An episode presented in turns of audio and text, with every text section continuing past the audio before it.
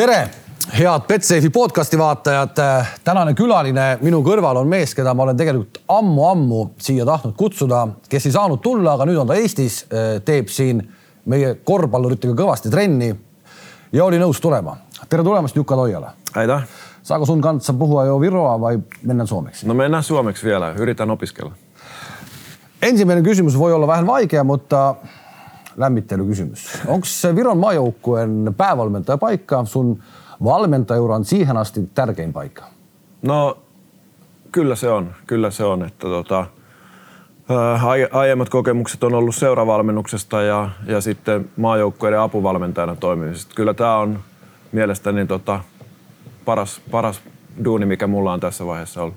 Mistä se kaikki alkoi? Miten se, miten se löysit, että nyt Viro hakee valmentaja ja sä luulit, että nyt täytyy tulla? No se tuli itse asiassa Suomen koripalloliiton kautta, koska Viron koripalloliitto lähetti, lähetti tämmöisen tiedotteen kaikille Euroopan koripalloliitoille, että heillä on niin kuin hakuprosessi käynnistymässä ja jos, jos koette, että on hyviä valmentajia, jotka voisivat olla niin kuin sopivia tähän, niin laittakaa tietoa eteenpäin. Ja, ja kuulin siitä Suomen koripalloliiton kautta ja, ja, ja kävin tietysti, se, mulla oli kaksivuotinen sopimus Suomen koripalloliiton kanssa, mietin, käytiin läpi, että voinko hakea ja sain luvan hakea ja olin ilman muuta kiinnostunut. Oliko se aika tulla pois sieltä Tetmanin selän taakse? Ta, et... No en osaa sanoa, että koenko, että on ollut kenenkään selän takana tai, tai muuta, mutta että, tota, ää, mä enemmän kiinnostuin siitä, että, että kun seurannut niin kun, aika läheltä tästä toiselta, Suomenlahden toiselta puolelta virolaista koripalloa, niin tiedän, niin kuin, että kuinka, kuinka ensinnäkin tämä on tärkeä asia virolaisille, tämä koripallo, koripalloa arvostetaan. Ja sitten toinen asia, että mä näen, niin kuin, että tässä on paljon nuoria lahjakkaita pelaajia, täällä on hurja potentiaali, potentiaali pinnan alla kytemässä ja, ja koen, että se on niin kuin mahdollisuus myöskin saada jotain aikaiseksi. Okei, menen ajassa vähän taaksepäin. Miten susta itsestä tuli koripallopelaaja ajalla, jossa koripallo Suomessa oli No ei ollut suosittu laji. Kaikki nuoret pojat, mä luulen ainakin näin, valitsi jääkiekon. Sinusta tuli koripallopelaaja. No sä oot kyllä aivan oikeassa siinä, että mä halusin pelata jääkiekkoa. Halusitko? halusin, joo. Ja, ja tota niin, siinä kouluun mennessä seitsemänvuotiaana sanoin äidille, että, että kaverit pelaa jääkiekkoa, että mä haluan mennä jääkiekkoharjoituksiin. Äiti sanoi, että ei missään nimessä, että se on liian väkivaltainen peli. Se oli äiti sanoi? Minun äiti sanoi. Ja, ja tota, ää, sitten asuttiin ihan siinä pienen kaupungin Kouvolan keskustassa ja, ja sitten sattui luokalle pari poikaa, jotka oli aloittanut koripalloharrastuksen ja sitten mä sanoin, että no voiko mä mennä pelaa koripalloa? Ja sitten vähän niin kuin pitkin hampain äiti sanoi, että no voit mennä, että kaksi kertaa viikossa. Ja, ja pääsin siihen mukaan ja sillä tiellä ollaan, että kyllä koripallo niin kuin heti sytytti sitten, sitten itseään. Ja siinä sattui pienessä kaupungissa olemaan myöskin semmoinen seura, jossa niin kuin oli paljon, paljon aktiivisia ihmisiä ja, ja, ja, ja niin kuin lähe, läheinen tiivis yhteisö ja se, niin kuin, sinne oli helppo mennä ja siellä oli kiva olla. Ja, ja, ja tota, mutta jääkiekko oli ensimmäinen haave, mutta niin kuin sanoit, niin, niin, niin on, on, olen onnellinen, että valitsin koripallon. Tuliko siellä koulusta vähän ongelmia sen kanssa, että Jukka pelaa koripalloa? Että... No jossain vaiheessa kyllä jääkiekkoilijat oli niin kuin, niin kuin sen, sen koulun niin kuin parempia, parempia urheilijoita, että, että ne on niin kuin vähän jääkiekkoilijat on niin kuin kovempia kavereita ja koripalloilijat on vähän semmoisia, mutta että, että, että, sitten mekin ruvettiin pärjäämään sitten niin kuin koripallossa siinä kaupungissa, niin tota, se hiljeni se. se Miten se ajassa on muuttunut? Kuinka monta poika äh, valitsee tänä päivänä jääkiekon ja kuinka monta tulee tänä päivänä koripallon? No, verrattuna, verrattuna siihen aikaan, jos sun pitää tehdä, valinta, piti no, tehdä valintaa? Kyllä enemmän tulee koripalloon siihen aikaan, verrattuna siihen aikaan, mitä, mitä mä tein valinnan, mutta kyllä jääkiekko edelleenkin vie paljon, paljon harrastajia. Toki pitää muistaa, että, että siitä on jo ää, 40 vuotta ja, ja siihen on tullut uusia lajeja. Esimerkiksi salibändi, jota ei ollut silloin, niin se vie jotain urheilijoita. Mutta itse asiassa Suomessa tehtiin tutkimus ja, ja urheiluun yleensä Suomessa tulee niin kuin, niin kuin suosituin laji, minkä kautta urheiluun tullaan, on jalkapallo.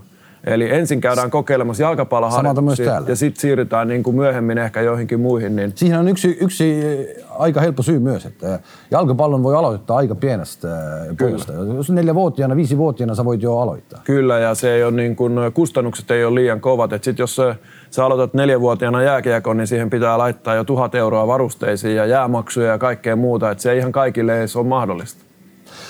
Sitten tuli semmoinen satumainen tarina, voi sanoa se, mitä Kouvolan kanssa tapahtui. se pelasi sillä Tivarissa, voitti sen 93, nousi SM-liigan ja vuonna 1995 ensimmäinen Suomen mestaruus.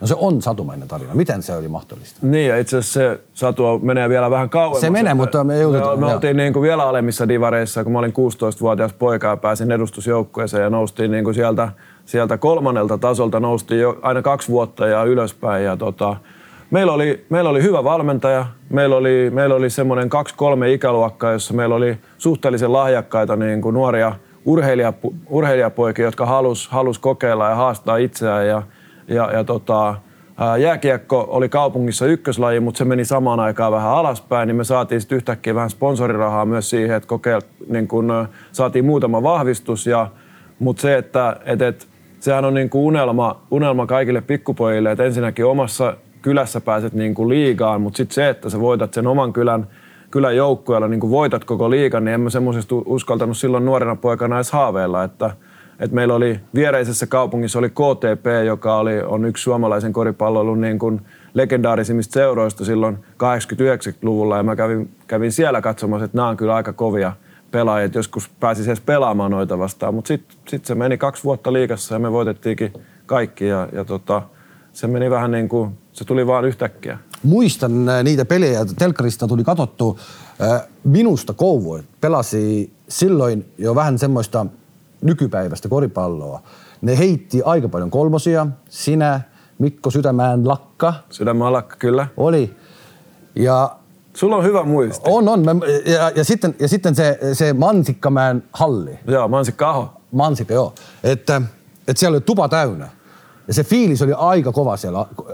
Ja, ja se, se, oli vähän, vähän semmoinen, kun, en osaisi sanoa, se on vähän semmoinen kuin uusi tuuli semmoista. Joo, ja mulla tulee ihan kylmät väreet, kun sä kuvailet. Tota, tota, tota. Tänä vuonna tuli 25 vuotta siitä, kun tämä tapahtui, tämä mestaruuden voittaminen. Ja, ja oot kyllä ihan oikein siinä, että, että me pelattiin erilaista koripalloa ja kaikki sanoi aluksi, että ei tolla tavalla voi pelata korista, että heitätte niin kuin ihan hölmöjä kolmosia niin kuin nopeasta hyökkäyksestä. Ja, ja, mutta että siinä oli, Risto Piipari oli valmentaja, vanha, vanha kokenut valmentaja ja ja opiskeli kovasti lajeja ja niin kuin halusi tehdä vähän eri lailla, lailla asioita. Ja, ja tota, kyllä me pelattiin ehkä siinä, niin kuin, niin kuin sanoit, niin sit myöhemmin niin kuin aika moni rupesi pelaamaan tämmöistä koripalloa, missä oli niin kuin spacingit kunnossa ja, ja, ja tota, niin pallo liikkui vähän puolelta toiselle ja, ja haettiin niin kuin, haettiin niin kuin hyviä heittopaikkoja. kun kolmen pisteen viiva tuli, niin silloinhan ei niin kuin kovin moni ei edes heittänyt sieltä, mutta me heitettiin kyllä – kyllä me oltiin vähän pienempi joukko ja me oltiin ikävä vastustaja ja tota, niin, niin sanottiin, että ei tolleen voi pelata korista, kun, kun, kun tota, Satasesta niin kolmosesta huippupelaaja harjoittelussa? 90. 90 täytyy pussittaa? No kyllä, siis sanotaan, että huonona päivänä 80 ja hyvänä päivänä yli 90. Sun ennätys? Mun ennätys? Äh, 95. 95 Joo. sadasta? Joo, kyllä. Ja semmoinen keskiarvo oli, olikin 90? No meillä oli aika kovia kilpailuja tämän Sydänmaalakan ja, ja, ja, muiden kanssa. Että kyllä jos niin 103 heitit, niin kyllä et sä kahdeksalla viidellä voittanut sitä. Että, et, et siinä oli vähän panoksia, oli lounasta ja, ja, ja vähän kaiken näköistä muutakin, muutakin elokuvalippuja ja muuta. Että sit niin kun heitettiin, niin heitettiin tosissaan. Ja, ja kyllä mä tiedän, niin kuin, voin ottaa esimerkin tällä hetkellä niin kuin Euroliigan kaikkien aikojen tarkin kolmen pisteen heittää on Petteri Koponen. Ja, ja joka päivä niin kuin maajoukkueharjoitusten jälkeen hän jäi aina heittämään 53.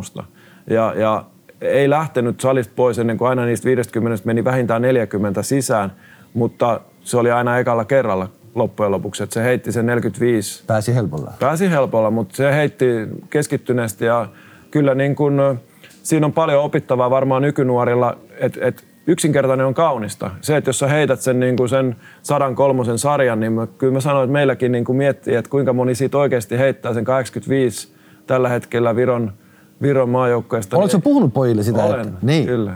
Ja kyllä mä haastoin. Mä olin Italiassa käymässä Miki Jurkatam on hien, hyvä heitto, mahtavaa, hieno, hieno heittotekniikka ja muuta. Ja mä kysyin, että monta kolmosta heität sadasta sisään. Ja sitten se alkoi puhua jostain 70 ja 80, mä sanoin, että ei riitä. Ja se katsoi mua vähän, mä sanoin, että ei, kyllä sä pystyt parempaan. Viimeksi milloin yritit? Paljonko tuli? No nyt mulla on uusi lonkka, mulla on tekolonkka ja mä en enää jaksa heittää. Se 3 viivaa, täytyy muistaa, että se on nyt kauempana, vähän kauempana. Ja, ja tota, mä oon siirtynyt enää heittämään vapaa-heittoja. Et tota, en mä jaksa heittää. No 10 kahdeksan menee vapaa-heittoja, varmasti. Kymmenestä kahdeksan. No yhdeksän vähintään. Vähintään yhdeksän. No kyllä pitää Oi mennä. jaa, Kyllä näin. pitää mennä. Okei. Okay. Sitten äh, menit myös äh, maistamaan sitä ammattilaisuraa ulkomaihin. Vain yksi kausi. Mitä siellä tapahtui? Joo, mä menin Belgiaan, Belgiaan pelaamaan ja, ja, ja tota, toki täytyy muistaa, että aika silloin oli hyvin erilainen. Et mä oon rehellinen, että mulla tuli vähän niin kuin koti-ikävä. Et, et se, silloin, silloin ei ollut kännykkää vielä käytössä. Silloin oli hyvin vaikea saada internet-taloja. Ja tota, se, oli hy, se oli vielä pienempi kaupunki kuin Kouvola. Et se oli tämmönen, Saisiko vielä pienempi Houthalen, no voi olla. Voi se oli Houthalen, se oli 15 000 asukasta ja ja aika kävi vähän pitkäksi, että, että mä tykkäsin kyllä harjoitella, mutta sen ulkopuolella ei oikein niin kuin ollut, ollut oikein mitään sosiaalista elämää. Ja, ja, ja tota, sitten niin kuin koin, koin sen, että, että, että se oli väärä päätös multa. Mä olisin niin jälkikäteen niin olisi pitänyt vaan taistella, taistella ja, ja, ja tota, niin purra hammasta ja olla siellä ja kokeilla niin kuin omat rajat. Et nyt voi sanoa, että ehkä en kokeillut niitä omia rajoja niin kuin pelaajana ulkomailla, ulkomailla, että luovutin vähän liian helpolla ja menin sinne, missä oli niin kuin kiva ja mukava olla. Ja, ja se oli sitten palata takaisin niin kuin Suomeen, Kouvolaan ja myöhemmin sitten Joensuuhun. Että, et, et, mutta että pelasin, pelasin Houthalenissa Belgian liiga on, oli silloin ja on ihan hyvä liiga, liiga ja tota, pelasin puoliksi niin kuin amerikkalaisen takamiehen kanssa niin kuin takamiehen paikka. Ehkä sen takia, että sä et pystynyt ylittämään itsen rajaa siinä pelaajana. Ehkä sen takia sun menestys maajoukkuessa ei ollut myös kovin iso. Ei ollut. Toki täytyy muistaa, että siinä oli aika kova kilpailu niin kuin takamies paikalla. Että siinä oli, oli kaksi todella hyvää takamiestä. Oli Kari-Pekka Klinga ja Petri Niiranen, jotka on niin kuin, Täytyy muistaa, että Klinka hoitat siihen asti SM Liigan ennätystä kolmosissa. Kyllä. Yli tuhat kolmosta Kyllä. uransa aikana. Kyllä. Kuka on siellä numero kaksi? Öö, mä en tiedä. Jukka Toijala. Ah, okei. Okay. Sen 883 uran aikana SM Okei, joo, mä en muista. Okei, Joo. jatka. Oli, oli kova kilpailu. oli kova kilpailu ja, ja, ja tota, sitten tuli tietysti niin kuin vielä näitä nuorempia pelaajia, tuli Rannikko ja, ja, ja tota, niin Jyri Lehtonen tuli niin kuin mukaan siihen kilpailuun ja, ja, ja tota, kyllä mä siinä kävin niin kuin kokeilemassa kolme eri otteeseen maajoukkueessa ja olin nuorten maajoukkueessa ja olin, olin 22, sellainen joukkue oli kuin 22-vuotiaiden maajoukkue ja, ja siinä, siinä sai sitten pelata, mutta sitten miesten maajoukkueessa pelit jäi johonkin vähän yli kymmenen. Mutta samana vuosina, vuotena, kun Kouvot voitti ensimmäisen mestaruuden, Joo. 95, Joo. Suomen maajoukkue teki Oli aikamoisen historia. Kyllä. 17 vuotta oli kulunut siitä, kun ne viimeksi pelasi lopputurnausta. Kyllä, 95 ne pelasi, hävisi kaikki kuusi ottelua. ja pahasti. Joo, no okei, okei, mutta pelasi silti. Kyllä. Ää, ää, ei ollut Kouvosta yhtään pelaajaa. Ei ollut. Mulla meni viimeisessä finaalissa meni nilkka niin kuin totaalisen rikki ja mulla meni koko kesä kuntouttaessa. Et en tiedä, olisinko päässyt niin kuin mukaan tai et, taistelemaan kisapaikasta, mutta mä olin niin kuin koko kesän telakalla ja, ja siellä, oli, siellä oli Niiranen ja oli Klinga ja oli Juha Luhtanen ja tämmöisiä niin kuin, ö, vähän jo kokeneempia, kokeneempia pelaajia maajoukkueesta, mutta ei ollut, 95 voitettiin, mutta ei ollut yhtään pelaajaa, se pitää paikkansa. Sitten äh, tuli takaisin Suomen äh, Kouvoissa vielä kaksi mestaruutta. Joo. Ja vuonna 2005 oli se, kun sun pelaajaurasi loppui. Joo, se, Se meni, se meni myös loukkaantumisen takia. No se meni mulla, mulla niin kuin alkoi alko siinä viimeisenä mestaruusvuonna vuonna 2004 alkoi alko niin kuin olla vaikeuksia lonkan, lonkan kanssa ja se diagnosoitiin ensin väärin, että me luultiin, että me ollaan niin kuin alaselässä tai nivusissa jotain ongelmaa, mutta se niin kuin, lääkärit ei löytänyt sitä vikaa aluksi, kunnes me sitten menin semmoisen Alppihiihtomaajoukkojen lääkäri, joka oli Kalle Palanderin ää, lääkäri Eero Hyvärinen, joka, joka tota, niin oli spesialisti ja se sitten katsoi, että ei sulla ole mitään vikaa selässä, että se on, tota, sulla on lonkassa rasitusmurtuma ja, ja se on melkein poikki. Ja, ja tota, sitten niin kun sanoi, että sä voit jatkaa vielä normaalia elämää, mutta, Mutta pela- pelaa. pelaaminen on, niin kuin, tulee olemaan tosi vaikeaa. Ja se olikin semmoista, että yksi päivä harjoitus, toinen päivä lepo, pelin jälkeen kaksi päivää lepoa ja buranaa ja kaikkea kipulääkkeitä. Mä ajattelin, että sulla mitään järkeä. Ja, ja sitten mä jatkoin, niin lopetin pelaamisen ja, ja siitä pari-kolme vuotta niin se kipu oli niin kova, että mä ei pystynyt kävelemään niin kuin enää, enää normaalisti kaupungilla.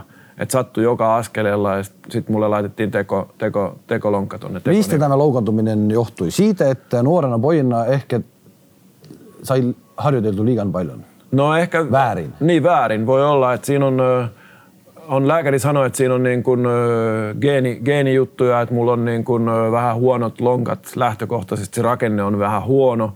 Ja, ja sitten toinen on se, että, että, että siinä on ollut, ollut joku muu vika ensin ja se paine niin kuin siihen lonkkaan on koettu olla, että se on ollut polvi tai nilkka toisella puolella ja sitten paine on mennyt siihen lonkkaan ja se on kulunut ja kulunut ja kulunut ja lopulta se oli melkein niin poikki, että se niin kuin oli, oli melkein murtunut sitten. No sen takia hyvä, että valitsit koripallon, ei jääkiekon, että jääkiekura olisi ollut vielä lyhyempi. No varmasti olisi ollut, joo.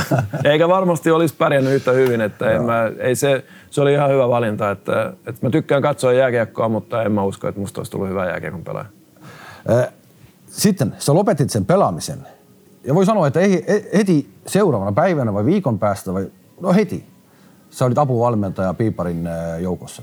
No joo, siis sillä kaudella kun mä lopetin, niin mä sain heti aloittaa apuvalmentajana, mutta se ei, ei, ei se, se, niin kuin se siirtyminen valmentajaksi oli jo tapahtunut mentaalisesti aikaisemmin, että mä olin käynyt jo koulutuksia, liiton järjestämiä valmentajakoulutuksia jo, jo kolme-neljä vuotta sitä ennen – ja, ja tota, niin olin valmentanut, niin kuin ollut mukana ää, sekä, sekä seuran juniorivalmennuksessa, mutta myöskin nuorten maajoukkueen apu-apuvalmentajana olin yhden kesän harjoittelemassa sitä hommaa. Ää, vuonna 90 syntyneiden maajoukkoja, joka pelasi turnauksen täällä Tallinnassa. Vuotta en muista, olisiko ollut 2006. Voi olla, en muista. Niin se oli mun ensimmäinen, ensimmäinen tota, ää, kokemus niin kuin sitten, mutta, mutta siis olin jo, olin jo niin kuin miettinyt sitä ja Piipari oli sitten, oli sitten sitä mieltä, että, että, että mitä sä siinä niin kattelet näitä treenejä, että rupeaa niin ottaa vastuuta tästä. Ja, ja sitten seurajohto oli sitä mieltä, että ilman muuta. Ja, ja sitten Piipari, Jäi oliko, pois. oliko hänen aika ohi sitten? No hän oli sitä mieltä, että hän on niin kuin, ö, nyt tehnyt työnsä ja, ja, ja tota, halusi, että annetaan mahdollisuus niin kuin nuoremmille. Että hän halusi niin kuin, ö, antaa mahdollisuuden minulle ja sitten, sitten toiselle nuorelle valmentajalle. Legenda seurassa siihen asti? Piipari? Joo. Absoluuttisesti. On. Ja on edelleen. On edelleen. On. Ja kyllä arvostan häntä niin kuin korkealta. No myös sun paita on äh, kylmytetty vai mitä sä sanoit? Jäädytetty. Jäädytetty. Joo, se, joo, jää. joo. se on iso, iso siis äh, koripallossa Suomessa ei hirveän paljon niitä paitoja ollut jäädytetty silloin vielä. Ja, ja, ja tota, Nyt olet sinä kouvoissa ja sydämellä. Kyllä, kyllä. Ja tota, ja, ja sitten piiparin, piipari siellä. Että, tota, sinne mun mielestä kuuluisi vielä nykyisen puheenjohtajan Sami Laaksosen paita, että, tota, niin, mutta se on vaikea Samin itse puheenjohtajana päättää sitä, että laitetaan paita kattoon, että joku muu pitää ehdottaa Okei. Sitten se alkoi se päävalmentajan ura. Vuosi 2006 ja elämä iski heti, kun Chris Sandy kuoli. Kyllä. Ulkomaalaispelaaja, äh, sun joukkueen yksi niiltä paras, pel- paras pelaaja. Takamies. Se, se kuoli kolarissa. Kyllä. Se kuoli kolarissa marraskuu 23 päivä, päivä torstai-päivä. Meillä oli ollut peli, peli edellisenä päivänä ja se voitti sen pelin meille ja, ja, ja tota, se lähti sitten, oli tosi huono keli, se lähti hakemaan tyttöystävää lentokentältä ja se vielä pelin jälkeen pukuhuoneessa kysyi, kysyi joukkuekavereilta, että voisiko joku muu lähteä ajaa, että hän on huono kuski ja huono keli tulossa. Ja kaikki sanoi, että on muuta tekemistä ja sitten se joutui lähteä niin kuin yksin ja se haki sen tytön ja takaisin tullessa niin tota, siellä oli niin kuin talven ensimmäinen lumimyräkkä ja, ja se oli sitten menettänyt auton hallinnan ja ajautui vastakkaiselle kaistalle ja rekka tuli ja ajo, ajo auton, auton rikki ja se, se kuoli siihen. Outo tilanne, mutta sinulle kuin nuorelle valmentajalle, onko, onko totta, pitääkö paikka, että sen suru-uutisen omaisille sanoit sinä itse? Joo. Miksi päätit tehdä näin? No meillä ei ollut silloin seurassa, seurassa oikein niin kuin muita työläisiä, jotka puhu, puhu englantia niin kuin sillä tavalla, että ne olisi ollut, olisivat voineet ottaa sen puhelun, puhelun niin tota, mun piti soittaa sinne Amerikkaan ja, ja, ja kertoa se sitten. Ja tota, niin kuin kyllä, sitten tuli, tuli, sieltä tuli äiti ja tuli, tuli eno ja tuli agentti, agentti sitten hakemaan niin kuin pojan ruumista kotiin ja siinä oltiin mukana. Että se, semmoiseen ei voi oikein varautua. Että se on ei niin kuin, voi, se on, ei voi, mutta se jos, on, jos, jos sitten tilanteesta mitään oppia, on, onko sieltä mitä oppia? No varmaan siinä jäi paljon asioita, joita niin kuin jäi jossittelemaan, jossittelemaan mutta sitten niin kuin tietysti sekin, että, että niin traaginen, traaginen juttu kuin se on, on niin tota, elämä, elämän on pakko mennä tietysti eteenpäin ja, ja, ja tota, siihen ei niin kuin koko, koko, koko hommaa ei voi, voi lopettaa, lopettaa mutta se, että Öö, enemmän siitä tuli niin kuin oppia, oppia, että kuinka, kuinka hauras elämä, elämä on, että yhtenä iltana saat sankari ja seuraavan päivänä sua ei ole. Ja, ja se on niin kuin semmoinen, semmoinen, että kyllä kannattaa varmaan niin kuin, ei kannata miettiä liian pitkälle, että nauttii siitä, mitä saa tehdä tänään ja, ja, ja elää, elää niin kuin, niin kuin täysillä. Et enemmän siitä tuli elämänoppia kuin sitten jotain, jotain valmennuksellista oppia kyllä.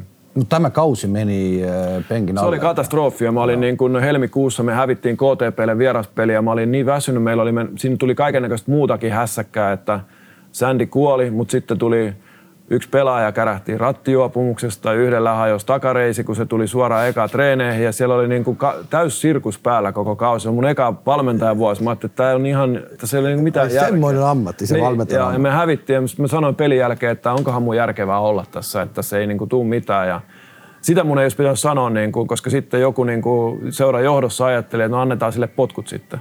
Ja kun mä nukuin yön yli, niin mä olin sitä mieltä, että en mä halua lähteä tästä pois. Mä haluan yrittää, mä, haluan, niin mä en halua luovuttaa. Ja sitten oli johtokunnan kokous, missä tota, ne päätti, että saanko mä jatkaa vai ei. Ja luojan kiitos, mun entinen pelikaveri Mikko Sydänmaalakka oli johtokunnassa sanoi, että ei sen mihinkään lähde, että se jatkaa. Ja Mikko päätti, että mä saan jatkaa. No valmentajan paikka on aina semmoinen tuulinen, saa sanoa, että Joo. se ei koskaan ei tiedä, milloin se, milloin se potku tulee. Näin on. Kuinka sä otat sen vai, vai miten, se, miten se... No niin kauan aikaa, kun en, ennen kuin ensimmäiset potkut tuli, niin varmaan sitä niin kuin ajattelin, että on kuolematon ja suoja, suoja, että ei, voi, ei mulle noin tapahdu. Mutta sitten kun, sitten kun semmoinen tilanne tuli, että Joensuussa päätettiin, että mä en enää jatka siellä ja myöhemmin sitten Puolassa, Puolassa tota, niin soput päätti, niin, niin se on niin kuin, it's part of the business. Se, se vaan kuuluu tähän, tähän ja tota, Öö, onko se yleensä, niin kuin, no, sä et varmaan ole samaa mieltä niin kuin valmentajana siitä, että, että, että miksi, miksi mä lähden tai muuta, mutta että ei siitä kannata niin kuin, niin kuin pelihousuja repi. Kannattaa mieluumminkin niin kuin vähän miettiä ja peilata sitten vähän, vähän ajan päästä, että mitä asioita johti siihen, että onko itse tehnyt työnsä. Pitää olla rehellinen itselleen. Ja, ja voin sanoa, että molemmilla kerroilla niin totta kai on niin tehnyt asioita väärin ja siihen liittyy monta eri, eri eri juttua, jotka olisi voinut mennä toisella tavalla, että olisi saanut pitää sen työpaikan, mutta että sitten, että jos mä mietin esimerkiksi, että mä oon Eestin valmentaja ja mä miettisin, että saanko mä huomenna potkut, niin en mä silleen voi elää. Se on sama juttu, että jos mä jotain opin siitä Chris Sandin elämästä, niin mä teen tänään työni hyvin, kunnioitan ihmisiä ja, ja kun mä teen sen työni niin hyvin kuin voin, niin sitten mä joko on huomenna töissä tai mä en ole. Joku muu sen päättää joka tapauksessa. Mä olen puhunut paljon meidän A-maajoukkueen kaveriten kanssa ja kysynyt, että minkälainen Toijala on. Ne kaikki sanoo, kun on yhtä, yhtä, yksi mies, että, että aika mukava ihminen. Sun kanssa on hyvä puhua ja näyttää, että sä totella sydämelle otat sen asian. Mutta mistä menee sun raja pelaajan kanssa, että, että tästä eteenpäin me mennään nyt eri tietä? No, kyllä mun mielestä niin kuin, tähän, kun tässä on joukkueen urheilusta kysymys, niin, niin se, että jos joku alkaa niin kuin, olemaan isompi kuin se joukkue – olemaan niin kuin, ajattelemaan itsestään niin kuin enemmän kuin, kuin mitä se joukko on. mulle tämä on joukkueen urheilua ja tässä tarkoittaa niin kuin se, että pitää kunnioittaa, kunnioittaa tota niin, kaikkia joukkueen jäseniä ja, ja, ja tota niin, ei, ei voi ottaa itselleen niin kuin eri vapauksia tai, tai tehdä sitä, että koska minä haluan tehdä näin. Että kyllä se, niin kuin, se on, muuten, muuten tota, niin tulee anarkia. Ja, ja, ja se on niinku semmoinen, että jos joku ei sit halua tehdä niin, että mitä joukkue tekee, niin sitten se ei varmaan halua olla siinä joukkueessa. Että, mutta että niin kuin sanoit, niin mä tykkään kyllä mieluummin käydä näitä keskusteluja jo etukäteen, että tämmöisiä tilanteita ei synny. Ja, ja, ja tota, niin jokainen, jokainen on kuitenkin myös omanlaisensa ihminen ja yksilö. Että me ei olla niin kuin samasta muotista, enkä mä halua, että jokainen näyttää niin kuin just siltä, mikä minä olen, vaan että pitää antaa niille vähän tilaa ja vapauksia, mutta sitten kuitenkin on olemassa se, niin kuin se raami, että minkä sisällä me tehdään näitä juttuja. Mä en tykkää tehdä näin pitkää listaa, jossa on niin kuin sääntö, sääntö, sääntö, sääntö, sääntö, sääntö. Vaan, vaan tota, niin mä koen, että, että, että jos, on niin kuin, jos, mä, jos mä omalla toiminnallani osoitan, että mä luotan suhun – mutta me tehdään se niin kuin siellä piilossa siellä sääntöjen sisällä niin, tai sen, sen boksin sisällä, niin tota, silloin ei tarvita mitään sääntölistaa, koska me tiedetään ihan tarkalleen, miten me toimitaan. Vähän kuin Phil Jackson äh, chicago No eh, okei, okay. no, mä olen lukenut Phil Jackson, mutta Phil Jacksonilla on myöskin sitten niitä ihan niitä jotain äh, vähän uskonnollisia juttuja, joita mä en, mutta että niin kuin, kyllähän Phil Jackson on ollut yksi suurimmista ihmisjohtajista. Katsot Last Dancea ja mietit, että minkälaisia – karaktereja siellä oli, niin kuin Rodmanit ja, ja Jordanit ja Pippenit ja moni muu, että et, et, tota, niin miten sä voit saada niin, kuin niin voimakas tahtoisia ihmisiä niin kuin toimimaan sitten joukkueena, joukkueena ja, ja, ja, ja tota, niin kuin ymmärtämään erilaisuutta ja se on kyllä, se on kyllä ollut, ollut tota niin nerokas mies, että se on saanut sen homman toimimaan. Seuran päävalmentajana ulkomailla Rumeniassa, Bukaresti, Steaua kaksi vuotta, kaksi hopeaa, ei mestaruutta. Kyllä, mutta äh, voi sanoa näin, että yli 20 vuoteen ekaa kertaa Steaua pääsi finaaleihin. Että äh, Steaua on, on äh, menestysseura vuoden silloin joskus 80-90-luvulla ja, ja sitten niin kuin tosi hiljasta ollut. Ja, ja, ja Kova tota, jalkapallo. On, edelleen, edelleen ja iso, iso seura, siis iso armeijan joukkue. Armeijan joukkue. Ja, ja tota, siis sinänsä niin kuin jos me aina voi miettiä niin, että, että miksei tullut mestaruutta. Mutta sitten voi miettiä niin, että oliko se kuitenkin itse asiassa tosi hyvä saavutus. Että oliko, ne niin kuin se, oliko se joukkueen potentiaali semmoinen, että sillä piti voittaa mestaruus vai oliko semmoinen potentiaali, jolla olisi voinut voittaa mestaruuden. Mun mielestä me ei oltu suosikkeja varsinkaan ekana vuonna. Tokana vuonna me olisi voitu voittaa ja se jäi vähän harmittamaan. Tokana vuonna meillä oli, oli sitten loppujen lopuksi niin kuin semmoinen joukko, jolla me olisi voitu voittaa. Ekana vuonna niin se oli täysin maksimaalinen suoritus olla, olla finaalissa. Mutta se loppui kahtelle vuodelle, että, että miksi ei jatkanut? No, mulla oli jatkosopimus. Oli? Oli. Ja, ja tota, siinä kävi niin, että se seura hajosi sisältä niin kuin riitoihin, että sen seuran presidentti ja GM lähti kävelemään – ja, ah, se presidentti vist oli aika semmoinen... Äh, Virgil, Virgil Stanetsku, vanha, vanha legendaarinen pelaaja, joka on pelannut myös Venäjän, Venäjän liigassa ympäri Eurooppaa. Ja, ja tota, ne, ne riitaantui sitten niin kuin armeijan johdon ja, ja kaupungin urheilu, urheilujohdon kanssa ja ne lähti pois. Ja mulla oli sopimus ja uusi johto sanoi, että ei me haluta sua. Ja sitä sitten koko kesä väännittiin ja että et, menenkö vai enkö mene. No ne sanoi, että älä tule. Ja se, sitten mä sanoin, että mulla on kuitenkin sopimus ja se, se, se on se riita on vielä Romanian Bukarestin oikeudessa käytävänä, että maksaako ne mulle mitään siitä vai ei. Aina velka sulle vielä vai? No, no on koko kauden velka. Et aika näyttää. Et en, ole, en usko, että saan niitä rahoja, mutta aika näyttää. Romanian oikeudessa käyminen voi olla aika hauska juttu. No se on nyt yli vuoden kestänyt ja vielä ei ole päästy niin oikeastaan mihinkään. Vuonna 1991 Suomen maajoukkue pelasi karsintaa mm, Portugalia vastaan. Muistat sen pelin? Joo, muistan. Siinä ei se, montaa koria tullut Suomelle. Se, voi sanoa, että, että ensimmäisen korin Suomi heitti, kun pelattu oli 15 minuuttia. Vartti. Nollalla. Pekka Markkanen. No okei, okay. Pekka Markkanen teki ensimmäiset kaksi pinnaa. Kyllä. Samana vuonna meidän Kale voitti Neuvostoliiton mestaruuden. Kaksi vuotta myöhemmin Viron maajoukkue Euroopan Joo. turnauksessa kuudes. Kyllä. Me olin, me olin huipulla. Suomen koripalloa ei ollut yhtään. Meni 20 vuotta ja nyt on päinvastoin. Sä oot täällä, päävalmentaja Viron maajoukkuessa ja suome, suomalaiset pelaa joka vuosi lopputurnausta. Niillä on NBA-pelaajia, niillä on Euroliiga-pelaajia. Miten se meni näin, että, että Suomi tuli takaa, meni meistä ohi ja me, ja me, me jäimme sinne, missä me olimme? No ensinnäkin on tietysti niin kuin mun on mahdotonta sanoa niitä toimenpiteitä ja asioita, mitä sitten niin 90-2000-luvulla Virossa on niin kuin tehty. Et vaikka mä sanoin, että mä tiedän ja näen, niin kuin, että mitä, mitä Virossa tapahtuu, niin mä en tiedä, mitä niin kuin sitten siellä on niin kuin päätöksenteossa tehty ja mitkä on ne, ne syyt, että miksi ei ole tullut sitten niin kuin, hyviä potentiaalisia pelaajia, jotka olisi pitänyt sitä niin kuin siellä, siellä Euroopan kädessä. Se, että Viro on ollut, niin kuin se oli kuudes Kuudes, joo. Ja se on, niin kuin huip, se on todella kova saavutus. saavutus. Koripallo on niin... Me voitettiin myöhemmin mestariksi tullut Saksaan. Kyllä. Koripallo, koripallo on niin, jalkapallon kanssa koripallo on niin äh, populaarinen laji Euroopassa, että se, että kilpailu on todella kovaa. Ja tänä päivänä vielä kovempaa, kun, kun Venäjä on jakaantunut ja Jugoslavia on hajonnut ja on lisää tullut niin kuin maita, jotka on potentiaalisia – koripallomaan. Se kuudes sija on aivan, aivan niin kuin mahtava saavutus ja, ja tota, ää, toki, toki se on edelleenkin mahdollista, niin kuin, niin kuin enkä, enkä se, että Viro nyt niin kuin uudessa strategiassa puhuu sijasta kahdeksan, kahdeksan, kahdeksan parhaan joukkoon, se on mahdollista. Se on absoluuttisesti se on mahdollista. Sen on osoittanut niin kuin Puolan MM-kisat, samoin Tsekki MM-kisoista. Kaikki on mahdollista, niin kuin piene, pienemmälläkin koripallomaalla.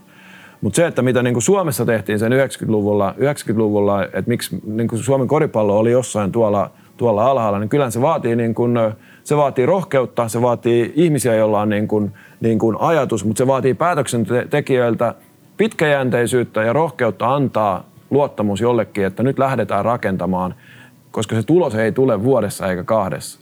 Ja, ja sitä on niin kuin pala palalta rakennettu. Siellä on ö, keskitytty valmentaja, valmentajakoulutukseen, siihen, että tulee parempia valmentajia. Kun on parempia valmentajia, niin, niin seuraava tehtävä on rekrytoida potentiaalisia pelaajia ja saada niiden parempien valmentajien valmennukseen.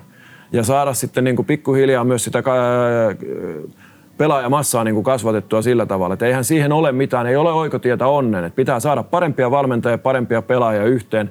Ja, ja tota, sitten on tietysti keskitetty malli, että, että, että yritetty, niin kun, kun on todettu, että kun ei ole 100 000 koripalloilijaa, kun on 10-15 000 koripalloilijaa, niin parhaat pelaajat parhaiden valmentajien kanssa tekemään päivittäin töitä, niin voi saada jotain tulosta aikaiseksi. Ja se on niin kuin se, se, se, näytä, se, se näytä ainakin ulkopäin, että Suomessa koripallojuttua, sen yhteinen asia.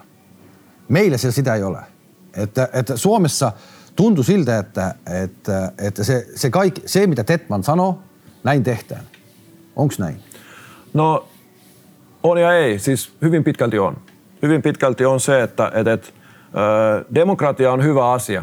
Mutta ei urheilussa. Mutta ei, ei aina urheilussa. Ei ole aina urheilu. Demokratia on hyvä asia, mutta se ei ole aina urheilussa hyvä asia, koska tuota, niin yleensä sitten mennään niin kuin keskinkertaisuuden mukaan. Mennään, mennään sen mukaan, ää, millä syntyy keskinkertaisuutta. Mutta se, että jos annetaan niin kuin, niin kuin jollekin visio ja annetaan luottamus siitä, ja joka vaatii niin kuin sen, sen korkeimman mukaan, niin ehkä on parempi joskus, niin kuin, diktatuuri on ruma sana, mutta ehkä on parempi, että joku ottaa niin kuin homman haltuun. En halua käyttää sanaa diktatuuri, mutta että niin kuin mieluummin sitten niin kuin antaa sen vallan. Se ottaa myös vastuun. Niin, kyllä, sillä on myöskin vastuu. Totta kai jos niin kuin, Detman, olisi, Detman tai joku muu siellä liitossa olisi niin kuin epäonnistunut viiden vuoden ajan, että mitään ei tapahdu, niin sitten ei mitä pöytä puhtaaksi ja uusi mies sisään. Mutta se, että jos niin kuin istutaan 30 ajattelijaa tässä ja ruvetaan miettimään, että mitenhän me nyt tässä niin kuin yhdessä tehdään, niin tota, voi olla, että mennään siinä keski, keskivaiheella ja se ei ole mahdollista. Se ei pienellä koripallomaalla niin kuin mitenkään mahdollista vaan kyllä siinä pitää saada kaikki, kaikki niin kuin voimavarat sinne yhteen, yhteen ja niin kuin tuki sille, että, että kokeilkaa, antakaa mennä. Ja siitä syntyy se Helsingin Basketball Academy. No siitä, sen yksi osa. Yksi on, osa siitä. Yksi osa sitä on, on, on Basketball Academy, kyllä. Ja sinne tulee Suomen parhaat nuoret pelaajat. No, Miten ne tulee? Miten seurat äh, sanoo, että okei, menkää? No ei ne aluksi sanonut vaan kyllä se aluksi oli, oli vaikeaa, vaikeaa niin kuin se, se homma ja se lähti, lähti liikkeelle niin, että ne tuli aluksi sinne kouluun ja ne harjoitteli aamut siellä ja meni iltapäivät niin kuin seuroihinsa.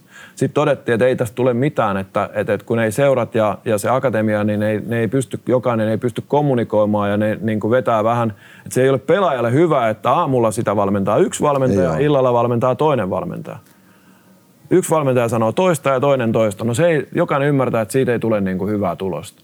Ja, ja sitten se niin kuin päädyttiin siihen, että se, sen pitää olla niin kuin yksi yksikkö, yksi, yksi paikka, yksi koti, missä niin kuin yksi valmentaja kertoo, miten tehdään. Se tietää sen, että että, että mitä se pelaaja on tehnyt edellisessä harjoituksessa, tietää sen, mihin se pelaaja on menossa, tietää tasmelleen, että kuinka väsynyt se on. Mutta kun se aamulla harjoittelet kovaa ja se menet illalla seuraharjoituksia ja taas harjoitellaan kovaa ja sitten seuraavana aamuna kukaan ei tiedä ei enää, toimi, missä ei ollaan, toimi, niin ei se ei toimi. Ja, ja tota, öö, to, se ideahan niin kuin siinä akatemiassa on, on, on, on, on tämä, mitä mä sanoin, että – parhaat pelaajat, parhaat valmentajat. Ja, ja kyllä tähän on niin kuin laitettu resursseja myöskin, että siellä on kolme, kolme ammattivalmentajaa, jotka ha, on pelkästään siinä, siinä yksikössä niin kuin paikalla. Siellä on fysioterapeutit, siellä on ravintovalmentajat, siellä on psykologit, siinä koko yhteisössä, mikä se koulu on, on, on käytössä tähän, tähän tota, ää, akatemiaan. Ja ne pelaa joukkueena, se edustusjoukkue, siis akatemian joukkue pelaa...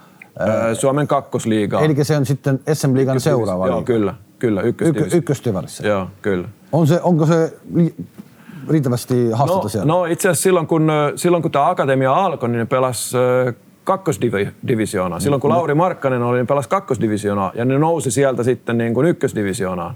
Ja, ja, ja tota, kyllä niin kuin pääpaino sen akatemian toiminnassa on harjoittelussa. Me puhutaan liian paljon 15-vuotiaissa siitä, että pitää pelata ja pitää, siis peli on tärkeä. Peli mennään totta kai. Kaikki niin haluaa pelata. Kyllä, mutta, mutta tota niin, öö, pääpaino siellä on ajatella sitä, että öö, harjoitellaan tänään hyvin.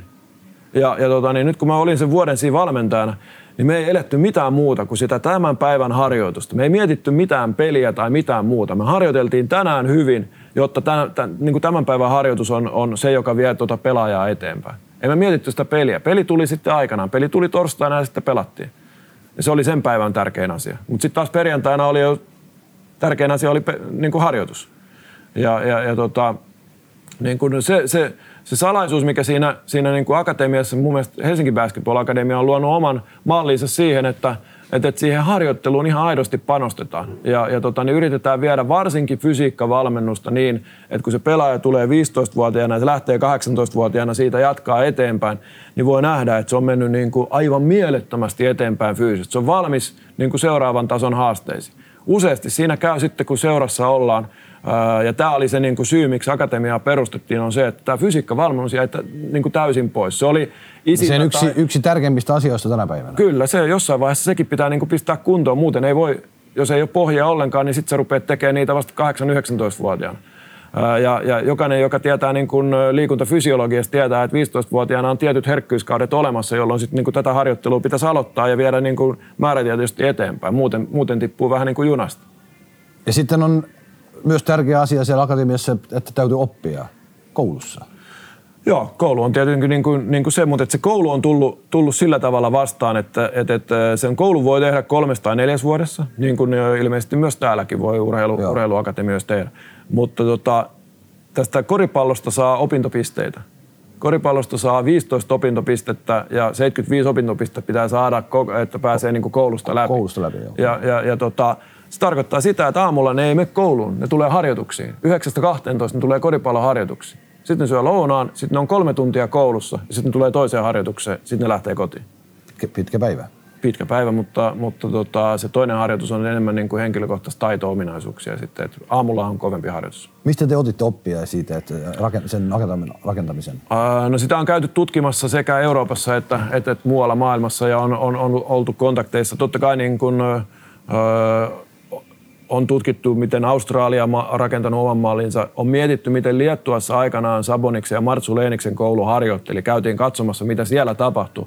Mutta sitten niin oikeastaan se esimerkki, mikä tuli, niin tuli Ranskan liitolta, kun he on laittanut tämmöisen INSEP-nimisen harjoittelukeskuksen, jossa koripallo on yksi ohjelmista, niin tota, sieltä tuli niin kuin pohja sille mallille, minkä tota, niin Helsinki rakensi. Jokaisella maalla pitää, niin kuin, se ei toimi se, että kopioidaan suoraan jostain maasta joku malli. Ei se niin toimi jokaisen maan pitää miettiä siihen omaan, omaan koripallokulttuuriin niin kuin, niin kuin niihin pikkudetaljeihin niin kuin toimiva ohjelma, minkälaisia pelaajia, minkälainen seurayhteistyö, minkälainen se, niin kuin se pelikenttä on, niin siihen pitää pystyä rakentamaan, rakentamaan, jotta siitä on hyötyä. Täytyy muistaa, että on, on kaksi vaihtoehtoa tällaisille akatemialle.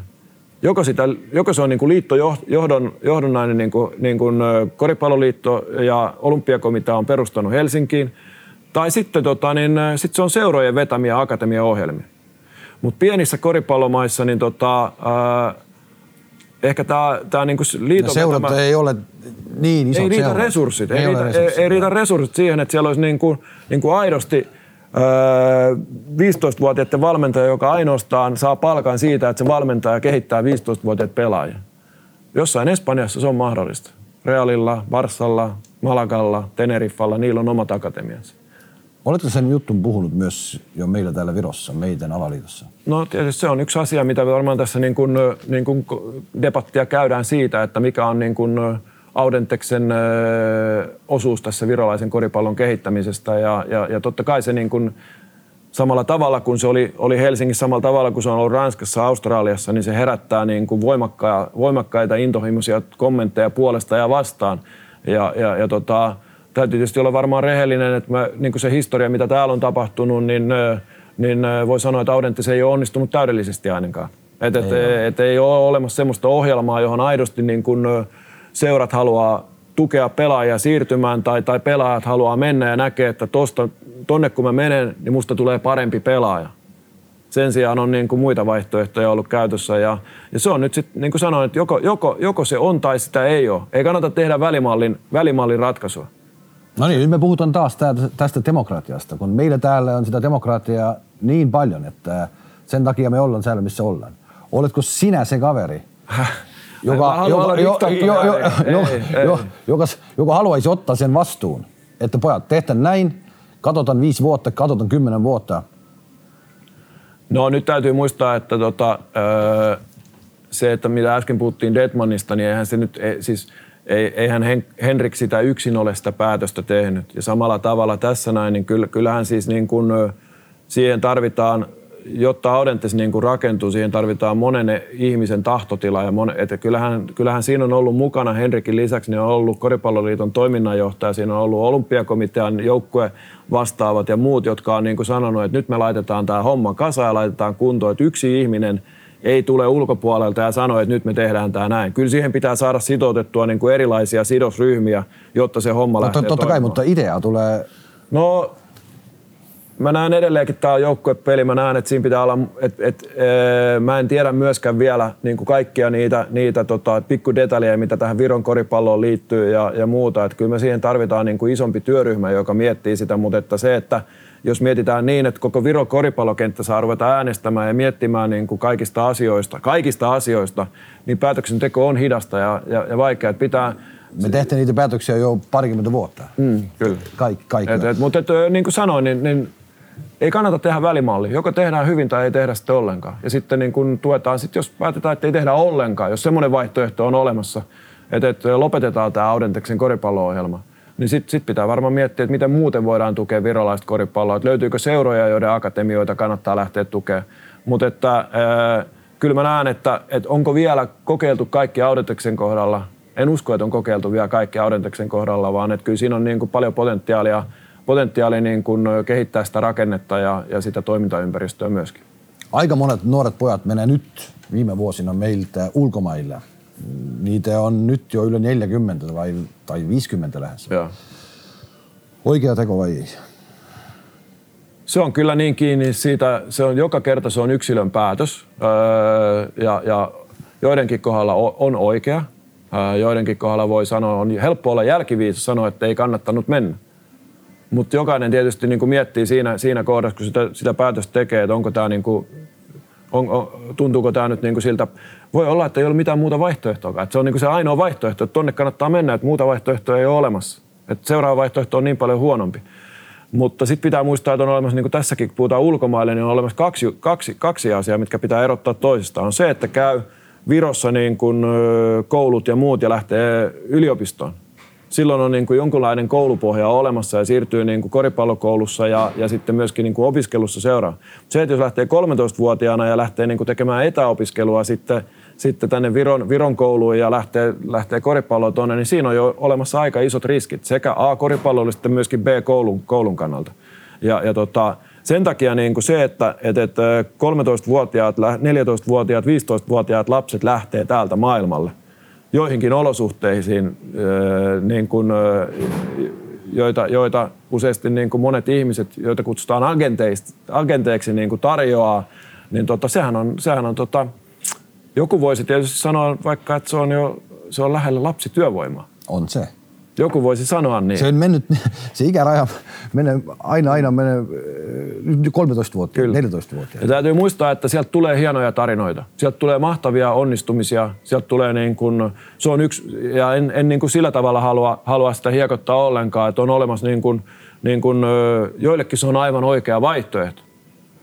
Mutta siihen yhteen onnistumiseen myöskin kyllä kuuluu aika monta surullista tarinaa, jolla, jolla tota, Vaarana voi olla myös se, että, että, että siellä tulee joku loukkaantuminen, kouluja ei ole tehty, ura loppuu siihen, versus se, että sä oot täällä koulussa, sä oot jonkunlaisessa systeemissä kuitenkin mukana, tai, tai, tai tota niin, jotain muuta tapahtuu siellä ja agentti lopettaakin mielenkiinnon sua kohtaan, tai, tai sitten tota niin, maailmalla tapahtuu erilaisia asioita. Että kyllä se niin kuin, tuntuu, tunt, mulla ei ole ton ikäisiä lapsia eikä lapsia muutenkaan, niin tota, tuntuu tietysti kovat päätökset varmaan vanhemmillekin ja, ja ei ole helppo päätös, mutta niin kuin haluan korostaa sitä, että en mä niin kuin totaalisesti, en sano sitä, että on väärin mennä.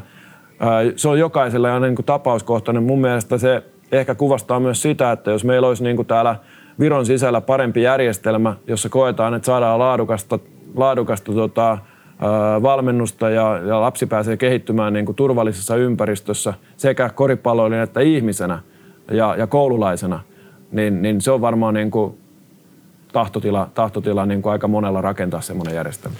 Okei, sinusta tuli Viron päävalmentaja. Alaliitto sinul, vaati sinulta, että me halutaan, että Viro pelasi EM-lopputurnauksessa, että meidän pelaajat pääsisi Euroopan. Mikä, mitkä olivat sun vaatimukset alaliitolle? Että mä, mä teen sen, mutta se on nyt teidän homma. Aa. No kyllä kai se niin kuin liittyy, liittyy, liittyy yleisesti, kun työsopimusta tehdään, on, on, on tietysti niin kuin tota, olemassa erilaisia, erilaisia ehtoja, ehtoja, mutta että kyllä niin kuin lähinnä se, että, että kokee sen, että, että näiden vaatimusten tai, tai, tai näiden niin kuin tavoitteiden saavuttaminen on mahdollista, niin, niin tota, se vaatii tietysti sitä, että on olemassa niin kuin, niin kuin tuki siihen, siihen, mitä saa tehdä. Ja sitten on olemassa niin kuin, tämän ympärillä, niin kuin sanoit, tämähän ei ole valmentaminen ja, ja koripallon valmentaminen ei myöskään ole niin kuin yhden miehen duunia. Että kyllä siihen tarvii niin kuin staffin siihen ympärille sekä, sekä niin kuin valmennuksellisen staffin, mutta myöskin muut tukitoimet, tukitoimet että, että, että hallinnollisen staffin ja, ja, ja tota, niin sitten tietyllä tavalla myöskin, myöskin semmoisen mahdollisuuden niin kuin sillä tavalla taloudellisesti tarkoitan sitä, että, että voi tehdä tätä työtä, että me voidaan, niin kuin, jos me puhutaan, että me halutaan olla EM-lopputurnauksessa, me halutaan olla Euroopan kahdeksan, meidän pitää myöskin nostaa niin kuin monella muulla tasolla sitä toimintaa sinne, että se, se, se, se että tota, silloin meidän pitää pystyä leireilemään, silloin meidän pitää pystyä niin kuin pelaamaan kovia kansainvälisiä pelejä, että nämä on mahdollisia, koska ei se muuten, ei se tapahdu niin, että me tässä nyt sisällä vähän aikaa puuhastellaan ja ollaan yhtäkkiä Euroopan kahdeksan. Sitten kyllä meidän pitää päästä niin kuin myös kokeilemaan ja testaamaan itseämme sinne, että ei se, se ei tapahdu niin, kuin niin, että käännetään yhtäkkiä kaikki ylösalaisin. Ja, ja mä koen, että semmoinen niin kuin tahtotila on olemassa. toki nyt tämän kriisin aikana niin kuin asioita tapahtuu ja, ja, ja tota, Kukaan ei tiedä oikein, niin kuin, että mitä, mikä tulee olemaan seuraavien kahden vuoden niin kuin, taloustilanne maailmalla. Ja voi olla, että joistain asioista joudutaan tinkimään, mutta se, on, se kuuluu sitten, sille ei voi mitään. Tietman omassa kirjassa on sanonut, että hänen tapa on aina ottaa oma, oma joukkue mukaan, jos hän menee jos mm, ulkomaihin vai oma apuvalmentajat, oma, oma staffi. Sä tulit tänne ja sulla on kaksi virolaista apuvalmentajaa. Indra Kreinbok, Heikko Rannula. Viisas valinta muuten, mutta, mutta, mutta miksi nämä kaverit?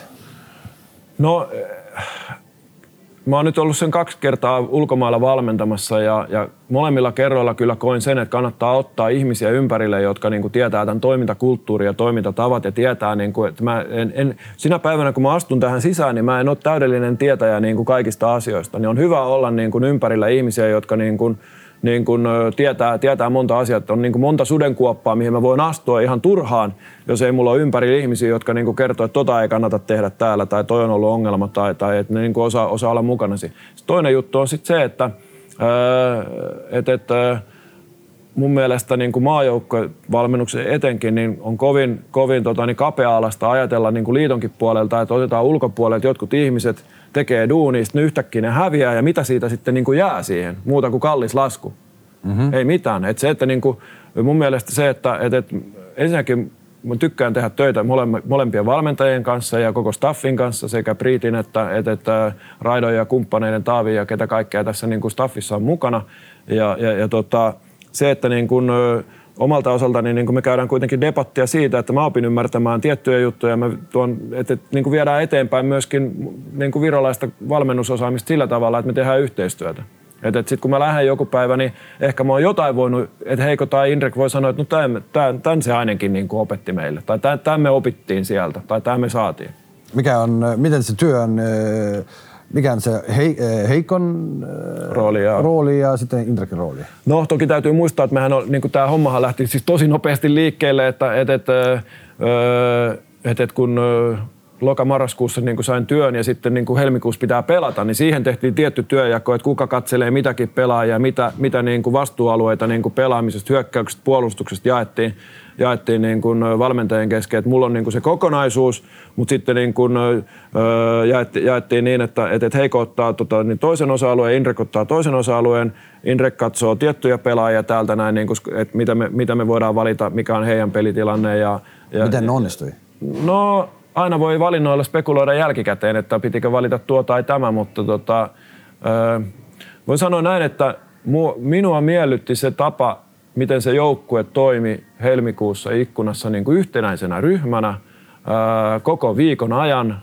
niin kuin joka harjoituksissa, joka pelissä, kaik, vapaa-ajalla, niin, kuin, niin se, oli, se, oli, se oli hyvä. Ja toivot, mielestäni niin kuin, öö, pelasimme vähintäänkin kohtuullisen hyvää joukkuekoripalloa siihen nähden, että meillä oli neljä harjoitusta niin kuin rakentaa jonkunnäköinen joukkuekonsepti hyökkäykseen ja, ja, ja puolustukseen. Että mun silmään se niin kuin näytti, näytti hyvältä. Sitten kun tuli ne vaikeat hetket Italiaa vastaan, niin näki, että meillä on liian vähän ollut aikaa olla yhdessä, yhdessä että ongelmat, ongelmat vähän kertaantu, kertaantu. mutta että joo. Mutta tällä, tavalla, tällä tavalla. Pari pientä sellaista yksityiskohtaa, kun on Makedonian pelissä. Mm-hmm. Kaksi kertaa pelasit äh, pallon Christian Kullamäelle low postin. Joo. Pelin jälkeen Christian itse oli vähän wow. Miten hän sen tiesi, että mä osan sen? Miten sä tiesit sen? No, ollaan rehellisiä. Tota, äh, mun mielestä Christian on, äh, Christian on ensinnäkin tietysti iso peli paikalleen. Siinä oli pieni puolustaja. Äh, ja mä tyk, mun niin kun, sitä mä en tiennyt, että pystyykö Christian, niin mä olin varma, että se pystyy aiheuttamaan virheen. Mä en tiennyt, että se pystyy pelaamaan noin tehokkaasti siinä, siinä, siinä korinalla, korinalla, mutta kyllä mä, niin kun, mulla on semmoisia flashbackkejä, että mitä mä oon nähnyt Christianin pelaavan – Mä oon pelattu Suomen kanssa, Suomen kanssa häntä vastaan nuorten maajoukkueessa, mitä mä oon seurannut häntä, että hän pystyy, hän on niin kuin, niin kuin osaa käyttää kroppaa, osaa käyttää kroppaa niin kuin tehdäkseen itselleen tilaa. Ja, ja tämä pelisysteemi, mitä me pelataan siinä niin kuin muutamissa, mä, mä tykkään postauttaa, niin kuin, laittaa takamieheen myöskin pelaamaan sisällä, koska se on niin kuin useasti semmoinen matchup, mitä puolustus ei harjoittele. Ja jos meillä on semmoinen ase, että Kristian voi välillä tehdä korinalta korin, niin totta kai meidän kannattaa sitä kokeilla. Ja me haluttiin laittaa siinä pelissä paine tuota Dimitrievitsille siinä, että jos hän saa virheitä siitä, niin se on hyvä juttu meille. Ja mun mielestä Mutta sieltä tuli neljä pinnaa. No se oli neljä pinnaa ja tota, se oli merkittävät pisteet mun mielestä kyllä. Totta kai oli. Ja sitten toinen juttu on se, että kun meillä on, meillä on paljon hyviä heittäjiä, kitsingiä, venettä ja kumppaneita isoissa pelaajissa, niin ne voi olla kaarella ja pikkupelaaja voi postata ja olla rauhassa. Jos tulee apu, niin pelaa pallo ulos ja heitä vaan. Nyt se kesäleiri, mitä nyt on täällä pyörinyt pari viikkoa, että miten sä näet, että pelaajat on sen ottanut? Äh, tuleeko ne mieluille sinne, harjoitteleeko ne nyt täysillä? Onko se paikka, sä näet, että se, että se sopii niille?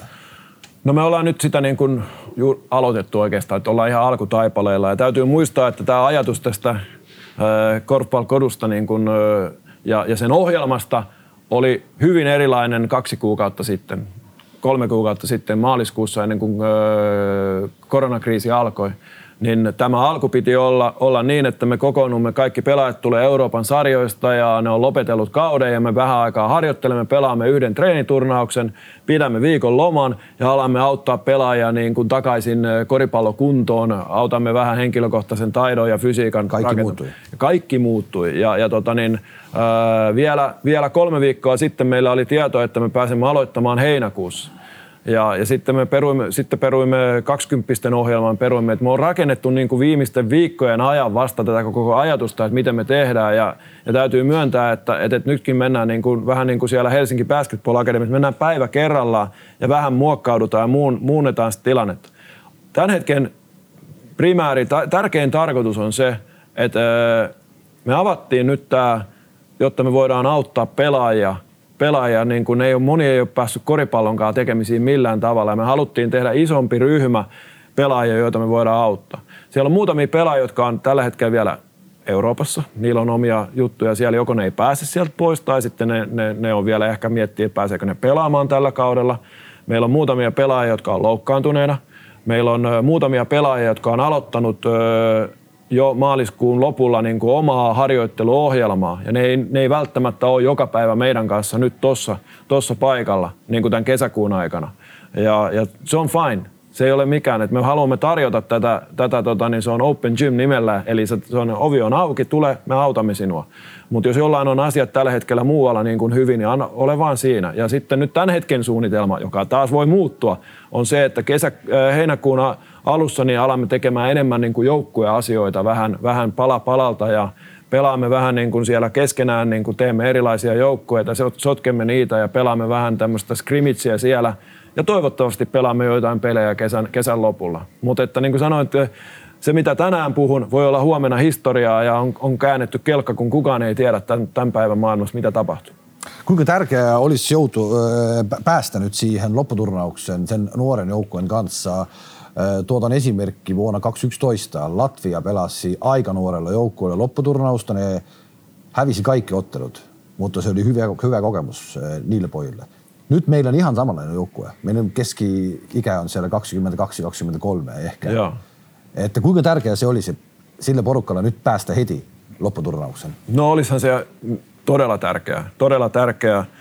Ja tuo hyvä, hyvä pointti, minkä sanoit, että me oltiin koko, koko EM-karsintojen nuorin, nuorin koripallojoukko, joka osallistui karsintoihin helmikuun ikkunassa oli Viro, eli, eli keski-ikä oli joku 22,3 vuotta tai jotain semmoista. Ja se on kyllä todella, todella niin kuin nuori joukkue, nuori joukkue, joka kertoo siitä, että tämän, tämän varmasti niin kuin Viron koripallomaajoukkojen parhaat vuodet on, on niin kuin tulossa vielä. Että kukaan ei ole liian vanha, vanha pelaamaan, että meidän vanhimmat pelaajat voi helposti pelata vielä kahdet EM-kilpailut, tällä, ketkä tällä hetkellä on mukana, jos vaan niin kuin terveys, terveys sallii, mutta että, on ihan selvä asia, että, että, että me tarvitaan niin kuin progressiivisesti kovia, kovia pelejä. Niin kuin sanoin, että se ei nyt yhtäkkiä käänny niin, että yhtäkkiä me ollaan siellä. Kyllä se, kyllä se tulee, tulee sillä, että me pelataan, pelataan tota, niin kovia maita vastaan. Ehkä aluksi hävitään, voi olla. Tai Mut sitten voitetaan, tulee. mutta tulee kokemusta siitä, että, että pärjätään ja pystytään pelaamaan näitä, jolloin siitä tulee niin kuin rutiinitaso ja sitten yhtäkkiä me huomataan, että hei, mehän voidaan olla kisoissa ja pärjätä niissä myöskin. Et siinä mielessä niin kun, totta kai olisi tosi Kotiottelu. Makedonia vasta tulee olemaan sun ehkä uransa tärkein ottelu. No se voi olla näiden karsintojen, näiden karsintojen mutta niin kuin sanottu tietyllä tavalla näiden pelaajien tämän joukkueen, niin kun, tämä ei ole tämän joukkueen last dance. Että käy tässä karsinnoissa sit loppujen lopuksi miten vaan, että mennään kisoihin ja kaikki toivoo ja mä uskon siihen, että me mennään kisoihin. Öö, mutta se, että niin kukaanhan ei tiedä esimerkiksi, miten, miten kun Makedonia tulee, että minkälainen joukkue meillä on, minkälainen joukkue Makedonialla on. Se on tämä niin kuin karsintojen erikoisuus on se, että kuusi peliä pelataan ja voi olla, että on hyvin erilaiset joukkueet ja, ja tota, isoille koripallomaille tämä ei ole ongelma. Niillä on maltavan iso pelaajapuuli, mistä ne niin kuin heittää sinne sen 12 pelaajaa ja ne pelaajana menee kisoihin. Mutta sitten niin kuin pienille maille, niin kuin Makedonia ja, ja, ja Viro ja Suomi, niin on, on, on tosi tärkeää, että niin kuin ne parha, parha, parhaimmistoa olevat pelaajat pääsee niihin peleihin, koska tota, niin meillä ei ole vielä semmoista sadan pelaajan pelaajapuulia, mistä me vaan poimitaan niitä pelaajia. Nyt on, sä oot Virossa, suomalainen koripallovalmentaja ja kuinka paljon sä katsot sitä, kuinka paljon on tullut kritiikkiä sun tekemisistä täällä nyt joo? Katsotko sitä? En mä tiedä. Se on, se on selvä asia, että tota, kaikkea ei voi miellyttää. ja kyllä mä sen myös ymmärrän hyvinkin, että, ja tiedän, tiedän sen, että jos ulko, niin kun maajoukkojen valmentajaksi valitaan ulkolainen valmentaja, niin on olemassa välittömästi jo niin kun kritiikki ja oppositio sitä vastaan. Ja se on ihan luonnollista. Se on, se on todellakin niin kuin luonnollista. Ja, ja mun pitää niin kuin omalla tekemisellä ja toiminnalla – osoittaa se, että ansaita niin kuin luottamus myös niiltä kriitikoilta, että mä oon ihan oikeasti täällä niin kuin yrit, yritän, yritän niin kuin tehdä hyvää työtä ja auttaa virolaista koripalloa eteenpäin. Että tämä ei ole mulle vaan semmoinen, mihin mä tulen ja pistän rahat taskuun ja lähden menemään, vaan niin kuin mä koen ihan, ihan aidosti, että mä haluan auttaa pelaajia ja, ja virolaista koripalloa menee sinne, mihin mun mielestä sillä on niin kuin mahdollisuus päästä. Ja totta kai siihen liittyy sitten niin kuin henkilökohtaiset motiivit myöskin, että kun mä teen duunini tässä hyvin, niin se voi antaa mulle tulevaisuudesta taas jotain muutakin, muutakin että kukaan ei varmasti ole ikuisesti Viron mm, pa, pa, no Tetman on, Tetman on nyt 16 vuotta ollut no, Suomen joo, joo No okei, okay, mutta hän onkin, taitaa olla koko maailman eniten niin kuin, maajoukkoissa vuosia ollut valmentaja. Mutta että, että, että kyllä kritiikki kuuluu ja, ja, ja, ja tota, mutta en mä, en mä sillä tavalla tietysti on niin kuin helppo, kun on ulkolainen. Niin mä en edes tiedä, jos on olemassa jotain keskustelua tai muuta, niin suurin osa niistä ei kantaudu mun – mun korviin, että jos joku on, ja mielipiteitä saa olla. Mikä on se asia, jos sun sopimus päättyy täällä, ensimmäinen sopimus päättyy, päättyy täällä, että, että sä itse oot tyytyväinen? Öö, Mitä pitäisi tehdä? No, no kyllä, kyllä kai niin kuin, niin kuin kaikessa valmentamisessa lähtee siitä – että, että pitää jättää niin kuin jonkunnäköinen kädenjälki, jolla on niin kuin auttanut joko A pelaajaa tai seuraa ottamaan seuraavan askeleen. Mä voin ottaa esimerkin, että kun mä menin Joensuun Katajaan 2010 ja, ja tota niin, hyvä seura, Mutta joka vuosi me kehitettiin sitä toimintaa niin, että siitä tuli yhtäkkiä semmoinen seura, joka osallistui joka vuosi kansainvälisiin kilpailuihin. FIBA Eurocuppiin, joka, joka vuosi osallistuu Champions Leaguea ja niin edelleen ja karsii siihen. Ja se, se, se niin kuin, että on osana, osana niin kuin viemässä niitä asioita, että, että se, että onko mä täällä nyt sitten vuoden tai kymmenen vuotta tai mitä, niin joka vuosi niin kuin voidaan todeta, että nyt ollaan menty eteenpäin. Että ton, to, tota pelaajaa me on viety eteenpäin auttamalla sitä tossa ja maajoukkueen toiminta on kehittynyt niin, että tästä on tullut on otettu pieniä askeleita ja on saatu tänne niin kuin luotua tällainen pohja, josta sitten sen, joskus sitten joku muu tulee ja toteaa, että hei, tänne on hyvä tulla, koska täällä on asiat tehty hyvin. Et sen mä koen niin kuin valmentaja yksi tärkeimpi on jättää niin kuin, kädenjälki ja semmoinen niin kuin testamentti sitten jonain päivänä, kun se lähtee pois, että sinne on seuraavan kollegan on hyvä tulla, kun siellä on asiat hoidettu hyvin, niin, niin totta kai siihen sisältyy ja toivon, että siihen sisältyy myöskin menestys urheilullisesti, että, että me ollaan noustu sinne, mihin ne tavoitteet, tavo, tavoitteet on asetettu, että me kilpaillaan niin kuin Euroopan, Euroopan huippumaiden kanssa menestyksestä myös. Okei, kiitos Jukka. Kiitos. Oli hyvin kiva sun kanssa puhua. Aitäh. aitäh kõigile, kes vaatasid. Täna oli siis külaliseks Jukka Toiala, Eesti meeste korvpallikoondise peatreener, kes loodetavasti teeb meie koondisega lähiaastatel suuri ja suuri tegusid. aitäh vaatamast